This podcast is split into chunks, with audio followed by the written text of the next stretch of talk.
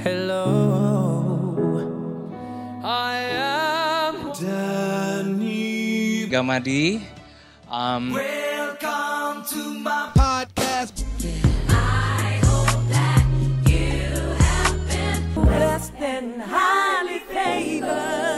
Hello, selamat datang di podcast kita yang kali ini. Gua Denny Gamadi dan hari ini kita sampai pada series Finding Your Life Calling. Kalau teman-teman belum dengar series yang introduction, pastikan dengar dulu series yang itu, baru lanjut lagi di pertemuan yang hari ini. Dan hari ini gue tidak sendirian, hari ini gue ditemenin oleh seorang wanita cantik.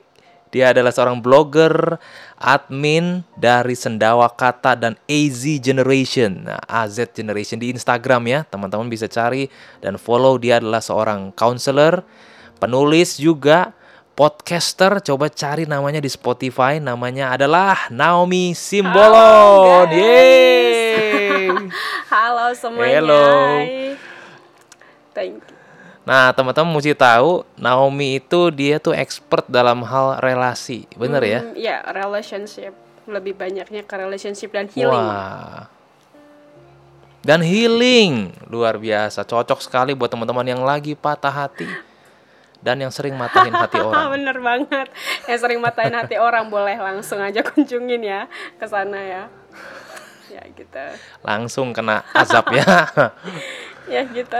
Naomi itu dipanggilnya apa sih biasanya? Nao Nao, Eh, Mimi. sebenarnya kalau dibilang nama aslinya bukan Naomi, jadi nama aslinya itu Yeni Mariati. Tapi sejak aku kenal sama Yesus sama Tuhan aku jadinya Naomi Simbolon gitu. Langsung rohani banget ya. I see. Wah, jadi ada nama baru ya. Setelah lahir baru. Mantap. Nah, hari ini kita ngobrol soal live callingnya Naomi. Iya. Dia itu influencer, motivator juga dalam hal relasi buat anak muda. Mesti lihat deh teman-teman Instagramnya @azgeneration. Nah, sendawa kata juga sendawa ya. kata, tapi sendawa kata itu lebih ke umum. Jadi kalau aja generation kan lebih ke mengerucut ke Kristen. Kalau sendawa kata itu lebih ke umum. Mm-mm. Hmm. Iya. So kalau Naomi eh, apa live callingnya? Panggilan hidupnya itu ya. Ini kalau misalkan dibilang panggilan hidup itu langsung rohani banget. Sebenarnya dulu aku tuh nggak tahu loh panggilan hidup aku by the way. Aku dulu aku pikir aku bakalan stay depan karena dulu kan sebelum berada di media ini aku tuh kerjanya itu di pajak. Jadi aku akan berpikir aku aku dulu mikirnya itu kerjaan aku tuh bakal di depan komputer dan bakal hidung hi- hitung duit dan jadi istri yang baik gitu. Tapi pada akhirnya waktu itu tahun 2015 Tuhan kasih aku panggilan tentang anak muda untuk menjangkau anak-anak muda sampai Tuhan kasih aku firman di Yesaya 61 gitu. Mm-mm. Iya gitu di Yesaya 61 itu kayak untuk ngutus eh, untuk eh, menyampaikan kabar baik kepada orang sengsara, orang-orang yang remuk hati dan orang-orang yang tawan. Makanya gak heran nih aja generation itu sama sendawa kata itu mengerucut ke orang-orang yang seperti itu gitu kak. Mm-mm. Mm-mm, gitu. Kalau dibilang panggilan Jadi buat melayani orang-orang yang broken ya. Iya orang-orang yang broken untuk melayani orang-orang yang broken lebih ke mendengarkan mereka. Karena kan banyak sekali anak-anak muda ini kan mereka itu kekurangan pendengar gitu. Kekurangan orang yang mengerti mereka. Jadi ya Tuhan taruh kerinduan itu di hati aku untuk menjadi pendengar buat mereka dan melayani mereka walaupun melalui media. Seperti itu. I see. Nah, kalau dirimu selama ini udah banyak dengerin orang, nah di sesi kali ini silahkan eh, relax buat bercerewet ria. Silahkan cerita, aku yang dengerin. Apa ya? Justru supaya kita terinspirasi ya. Eh, dengerin lu Oh gitu. eh, passion lu apa, apa kebutuhan di dunia yang lu lihat ada sampai melakukan pelayanan ini. Santai aja, cerita bebas. Ah gitu, oke. Ah, Oke, aku cerita kali ya tentang panggilan hidup ini. Aku dulu di tahun 2015 itu Tuhan kasih panggilan ini itu awalnya nggak gampang loh buat aku by the way tentang panggilan hidup. Di 2015 itu 2013 aku boleh lah ya cerita dari aku awal bertobat. Oh, boleh, nggak ya? Uh-uh. Aku awal bertobat itu sebelumnya itu aku pernah pindah agama gitu loh. Jadi akhirnya memutuskan ke agama kembali lagi ke percaya sama Tuhan Yesus. Di 2005, 2013 bertobat, 2015 itu aku minta sama Tuhan apa yang Tuhan mau dalam hidup aku secara pribadi. Karena ternyata ya panggilan hidup itu harus kalau menurut aku pribadi panggilan dan tujuan hidup itu harus diminta kepada Tuhan gitu karena memang ada orang yang memang Tuhan sudah ngomong secara pribadi tapi ada orang yang enggak gitu ada orang yang enggak bahkan sampai saat ini banyak sekali anak muda yang datang ke aku bahkan mungkin bahkan yang dengerin podcast ini nih yang bilang kalau aku nggak tahu tujuan hidup aku apa kak. Aku udah ke gereja aku udah takut Tuhan tapi aku nggak tahu mau ngapain hidup ini. Ya udah kerja aja pulang. Ya dan ya melakukan hal rutinitas. Dan aku dulu di tahun 2015 itu pernah berada di titik itu. Itulah pada akhirnya aku hmm. merengek di hadirat Tuhan. Aku menangis. Aku bilang Tuhan aku kan udah bertobat nih aku udah menginjil orang di kan, di di gereja tapi merasa aku nggak cukup dengan hal itu. Aku belum mendapatkan sesuatu hal di dalam diri aku yang membuat aku oh ini nih ini nih yang harus aku jalani nih. Aku belum dapatin itu. Selama dua bulan aku nangis di hadirat Tuhan untuk mendengar apa yang Tuhan mau dalam hidup aku.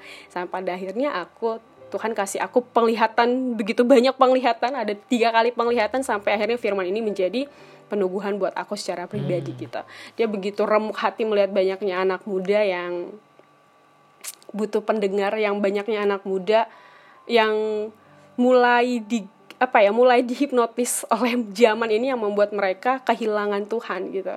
Jadi Tuhan kasih aku tiga penglihatan. Jadi Tuhan itu bisa berbicara tentang hatinya lewat banyak hal. Salah satunya itu penglihatan. Hmm. Penglihatan yang aku dapat itu lewat mimpi. Terus ketika aku lagi berdoa. Nah aku cerita nih ya um, penglihatan ini tadi hmm. boleh ya kayak. Ya? Hmm. Jadi penglihatan yang pertama itu adalah ketika aku lagi um, mimpi di mimpinya ini itu aku melihat segerombolan orang pakai baju putih kemudian pakai baju putih sedang meraung-raung membutuhkan Tuhan. Jadi mereka semua kayak bu, can you imagine kayak berbentuk bunderan. Lalu mereka mengangkat tangan mereka mengadah ke langit kayak minta tolong, Tuhan tolong, Tuhan tolong gitu. Kemudian saya melihat tangan Tuhan itu besar sekali dari langit pengen mengangkat mereka tapi ada space yang begitu panjang sekali kayak sekitar satu meter hmm. space itu yang membuat mereka nggak bisa bersentuhan dengan tangan Tuhan yang besar itu tadi hmm. kemudian aku bangun aku menangis aku bilang Tuhan kenapa? Itu maksudnya apa? Gitu. Hmm. Tuhan belum bicara apa-apa sama aku waktu itu. Belum ngomong apa-apa. Oke. Waktu aku tanya malam itu aku bangun Tuhan nggak ngomong apa-apa. Tuhan nggak kasih aku pengertian apa-apa. Aku cuma tidur lagi. Kemudian berdoa lagi aku minta Tuhan beritahu dong apa yang harus aku lakukan untuk untukmu secara spesifik gitu. Terus aku lagi berdoa suatu ketika di jam 12 siang aku ingat banget itu waktu itu masih di Batam Tuhan kasih aku penglihatan di mana ada segerombolan orang-orang sedang berjalan menuju ujung jalan gitu. Sementara di ujung itu kayak jurang yang dalam banget. Hmm. dan mereka pakai baju putih cuman batunya baju putihnya itu kayak kusam gitu loh kayak kaos kaki yang udah nggak dicuci sekian lama. Jadi warna bajunya begitu dengan mereka bawa pakaian. Mereka kayak zombie berjalan. Terus saya panggil guys itu jurang. Mereka nggak ada dengerin satupun kemudian aku bertanya lagi ke Tuhan Tuhan itu maksudnya apa kemudian ketika Tuhan uh, ketika aku bertanya seperti itu belum ada konfirmasi apa-apa sama Tuhan sampai pada akhirnya aku berdoa dan berdoa untuk sekian kalinya Tuhan kasih aku firman di Yesaya 61 ini sebagai peneguhan dari dua mimpi itu tadi hmm. oh oke okay. satu penglihatan lagi aku lupa satu penglihatan lagi itu adalah setelah dikasih ini ini firman Tuhan kasih aku penglihatan di mana uh, Oke, okay, aku baca, aku aku ceritain dulu deh kak. Ini yang di firmannya Yesaya 61 ini kan itu kayak berbicara ya telah mengutus aku untuk menyampaikan kabar baik kepada orang sengsara, um, orang yang remuk hati, orang-orang yang tawanan. Ternyata nih orang-orang yang aku lihat di dalam mimpi dan juga doaku itu orang yang mengangkat tangan ke atas ke tangan Tuhan ternyata tangan Tuhan gak bisa sentuh mereka dan space itu ternyata adalah dosa dan aku baru ngeh setelah Tuhan kasih aku firman ini dan yang kedua adalah mereka yang berjalan kayak zombie itu ternyata mereka itu dipengaruhi maksudnya kayak e, mereka udah nggak bisa lagi mendengar suara Tuhan dan kebenaran firman Tuhan itu karena keadaan zaman sekarang itu sekarang ini gitu loh. Ngerti nggak sih maksudnya? Mm -hmm. kayak gitu. Nah, setelah Tuhan kasih firman ini sama aku kemudian aku berdoa lagi Tuhan gimana caranya? Sementara aku nggak ngerti apa yang harus aku lakukan untuk untuk aku melakukan firman um, visi yang Tuhan sudah kasih ini gitu. Tuhan tunjukin aku penglihatan di mana Tuhan nunjukin aku gunung yang sangat tinggi sekali dan seakan-akan aku ingin memeluk gunung itu dan gunung itu adalah segerombolan anak-anak muda. Sementara aku nggak tahu gimana caranya um, mengadahkan tangan aku untuk bisa memeluk gunung itu tadi gitu. Akhirnya Tuhan tunjukin aku tentang media waktu itu tahun 2015 Tuhan belum apa ya Tuhan aku belum nggak ngerti sama sekali tentang media karena aku bisa dibilang kurang update. aku tuh dunianya itu akuntansi, apa dunianya kantoran, kantoran dan kantoran. Jadi kalau dibilang kayak um, perfilman, me, sosial media itu aku masih kurang update. Dulu itu aku nggak ngerti apa-apa tentang kayak gitu. Tapi pada akhirnya waktu itu boleh nggak sih bawa-bawa nama brand gitu? Oh boleh. Boleh nah, pada akhirnya waktu itu aku ngelihat yes he is di Facebook. Yes he is di Facebook. Kan setelah Tuhan kasih aku panggilan hidup tentang anak muda yang remuk hati. Kan aku nggak tahu nih gimana caranya supaya uh, panggilan Tuhan ini bisa aku lakukan. Sementara dulu waktu aku di Batam pelayanan aku itu pelayanan ke misi misionaris gitu loh. Kayak ke kampung-kampung bikin sekolah minggu sama temen-temen. Dulu aku pelayanannya gitu. Jadi nggak ngerti tentang media sama sekali. Kemudian waktu itu aku buka Facebook. Tuhan tunjukin aku yes he is Roh Kudus ngomong dalam hati aku seperti ini. Kenapa kamu gak buat yang seperti ini? Aku akan pakai media dengan cara seperti ini ke depan. Itu Tuhan taruh di hati aku. Tuhan, aku akan buat aku akan pakai media, media dengan cara seperti ini ke depan gitu. Lalu dari hari hari itu kayak esokan harinya aku langsung bikin Instagram namanya Heart of Generation. Jadi sebelum Ajat Generation ini nama Instagram pertama aku Heart of Generation dengan hashtag suara hati generasi gitu kak. Dari situlah akhirnya sekarang aja generation menjadi sekarang dan aku ada di tempat seperti ini gitu. Nah setelah aku tahu tuh panggilan hidup aku kemudian aku bikin aja generation. Nah kalau dibilang di aja generation ini aku lebih banyak menulis. Dulu aku kan aku nggak tahu kalau kalau ternyata Tuhan ajar aku melalui di aja generation nggak cuman mengerjakan panggilan dia ternyata Tuhan juga mempertajam talenta aku. Hmm. dulu sebelumnya Tuhan kasih aku pernah waktu di gereja dulu aku gerejanya itu di perlu nggak ini disebutin di GBI Rock dulu. Mm-hmm. kemudian aku dinubuatin sama salah salah satu pastor dia bilang kamu akan ahli dibilang di bidang komputer katanya. Aku kirain aku bakal jadi accounting yang luar biasa. Ternyata penulis penulis kan juga lewat kom- komputer gitu ya. Mm-hmm. ternyata penulis. Nah di aja generation ini akhirnya sekarang dulu Heart of Generation sekarang aja Generation akhirnya aku mulai menulis uh, awalnya renungan sih renungan aku tentang hubungan aku dengan Tuhan. Aku mulai renung aku tulisin bagaimana aku bisa pulih aku tulisin tentang hidup aku lah perjalanan cinta aku dengan Tuhan di situ. Kemudian banyak orang yang diberkatin lewat lewat itu. Mulai banyak followernya mulai banyak. Dan dari situ Tuhan mulai ajar aku untuk belajar menulis dengan baik mengeluarkan uh, isi hati aku melalui tulisan gitu. Mulai renungan mengeluarkan um, obrolan aku dengan Tuhan isi hati Tuhan itu lewat tulisan. Jadi mulai aku tulis tuh di aja generation pelan-pelan. Sampai akhirnya followernya banyak mulai banyak orang yang komen.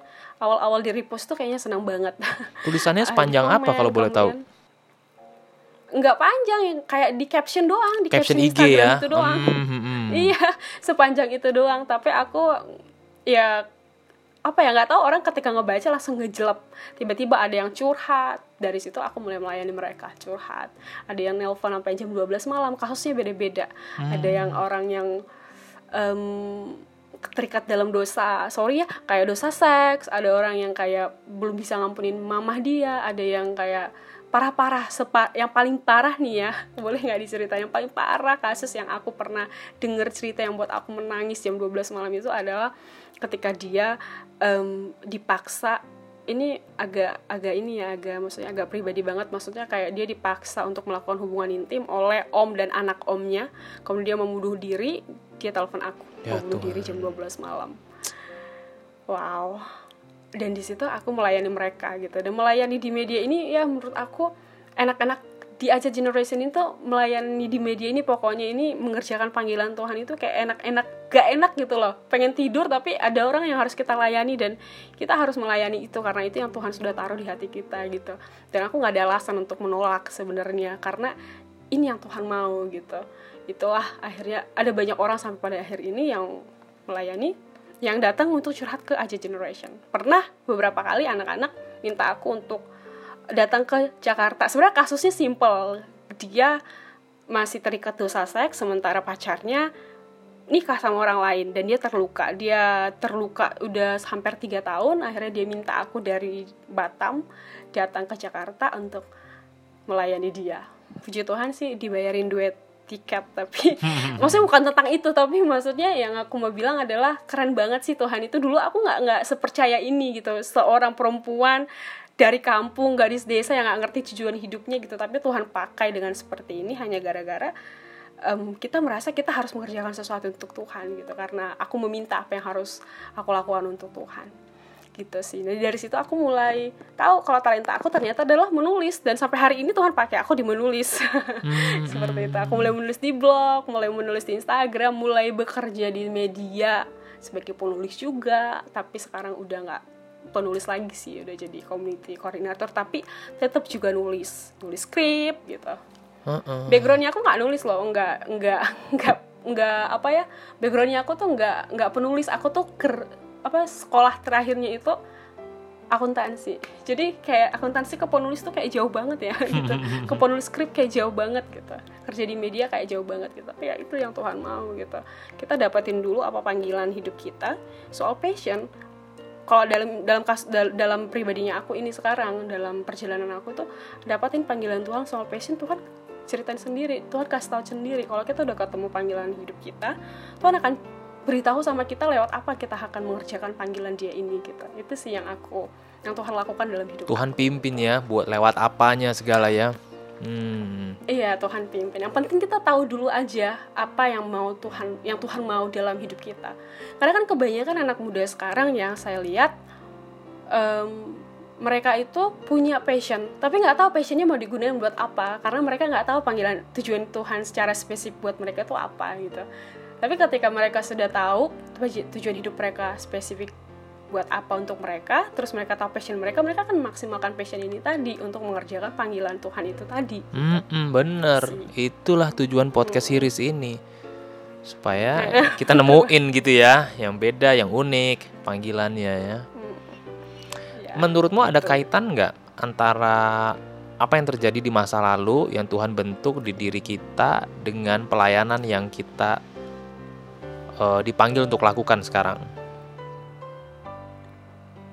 Eh, kalau soal di masa lalu ya berkaitan banget banget berkaitan bahkan rata-rata yang datang ke saya itu adalah apa yang saya alamin di masa lalu contohnya aku nggak bisa mengampuni orang tua saya dulu ngalamin itu tuh gitu Em, apalagi dipingit sama orang tua saya dulu ngalamin itu gitu. Apa tuh dipingit? Dianggap ditolak sama Oh, dipingit itu tuh kayak di di nggak boleh ke mana-mana atau kalau ke mana-mana itu harus jam segini harus ke rumah. Yang membuat kita akhirnya bandel kita akhirnya cari kebebasan dari luar. Saya ngalamin itu dulu. Kok jadi keluarin ini ya masa lalu ya.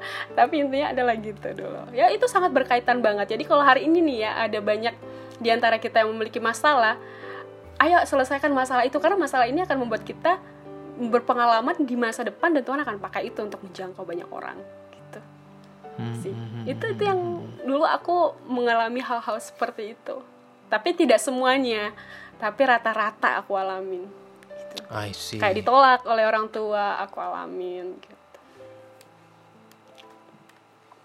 gitu sih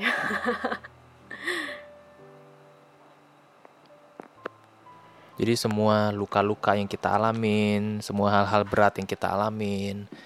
Kalau orang bilang kan, oh itu Tuhan izinkan terjadi buat satu tujuan yang indah gitu ya.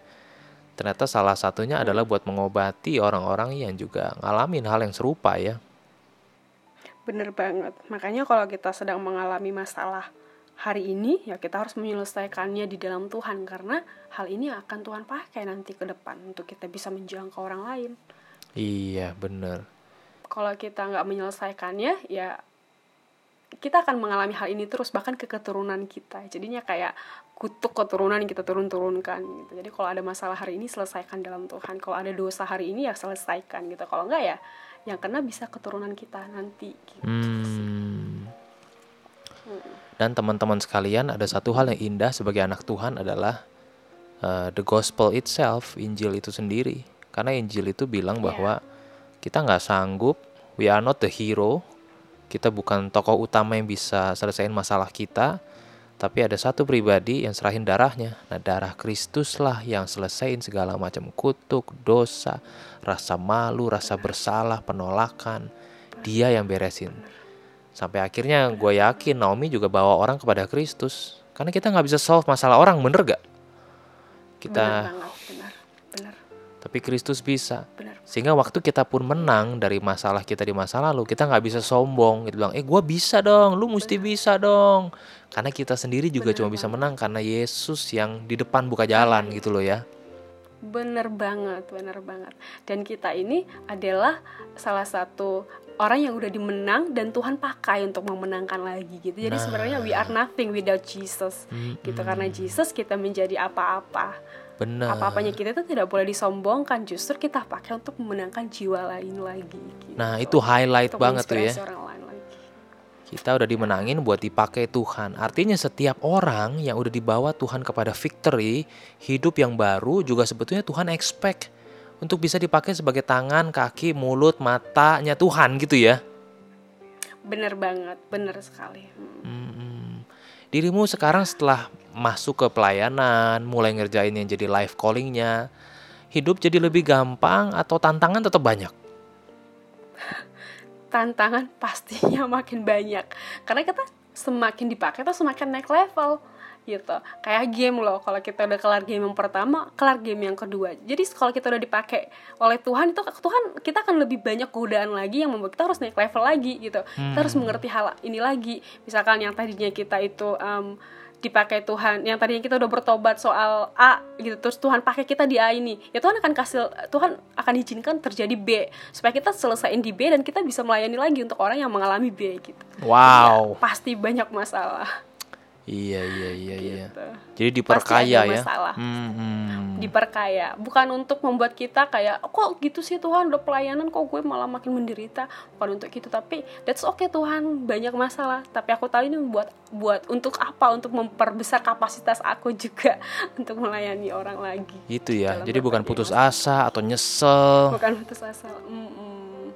bukan untuk putus asa tapi say thanks gitu Nah, di AZ Generation ini tantangannya apa aja sih sebagai seorang influencer dan penulis di media? kalau secara pribadi tantangannya kekurangan orang kekurangan orang untuk menjangkau lebih banyak maksudnya em, saya itu kan so far di Asia Generation itu kan sendiri masih an sementara ada banyak orang yang curhat datang ke saya. Dan saya butuh sekali maksudnya lebih banyak orang untuk menjangkau ini gitu. Kayak firman Allah bilang kayak apa padi sudah menguning dan butuh banyak penuai. Tantangannya itu banyak sekali anak muda. Saya ajak beberapa temen. Cuman mereka ya sekali excited sekali dua kali tiga kali nggak excited gitu itu sih paling tantangannya aku sih kurang penuai sih palingan itu doang Iya ya, tentaranya nih kurang banyak nih artinya ya.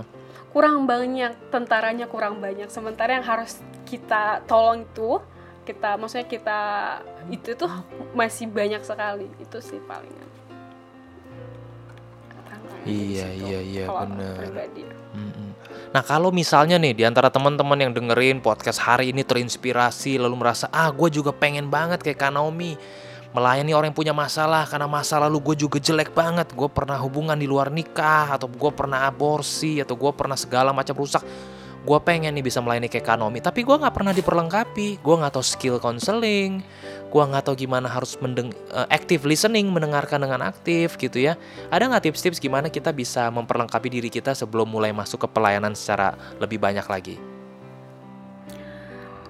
Hmm, jujur ya, aku tuh nggak pernah belajar secara secara kepada orang lain. Sejujurnya nggak pernah. Tapi aku benar-benar have a deep relationship. Jadi ketika ada orang nih yang curhat sama aku, kayak chat nih yang curhat, aku tuh apa Tuhan? Aku mau balas apa ini Tuhan? Nah jadi teman-teman Naomi dikasih Tuhan talenta yang luar biasa buat melayani orang dan yang kedua juga melayani orang dengan spirit filled ya dipenuhi dengan roh Allah jadi bisa nyambungin apa yang Tuhan mau ngomong buat orang itu. Nah kalau teman-teman sekalian ngerasa aduh itu luar biasa aku nggak bisa jadi kayak dia. Oh nggak apa-apa karena tiap kita kan punya talenta yang beda-beda ya. Ada orang yang terkonek sama Tuhan gitu dalam dia bisa dengar suara Tuhan dengan jernih istilahnya frekuensinya. Ada orang-orang yang udah doa meremelek sampai semalam suntuk tetap aja kayak nggak denger apa-apa.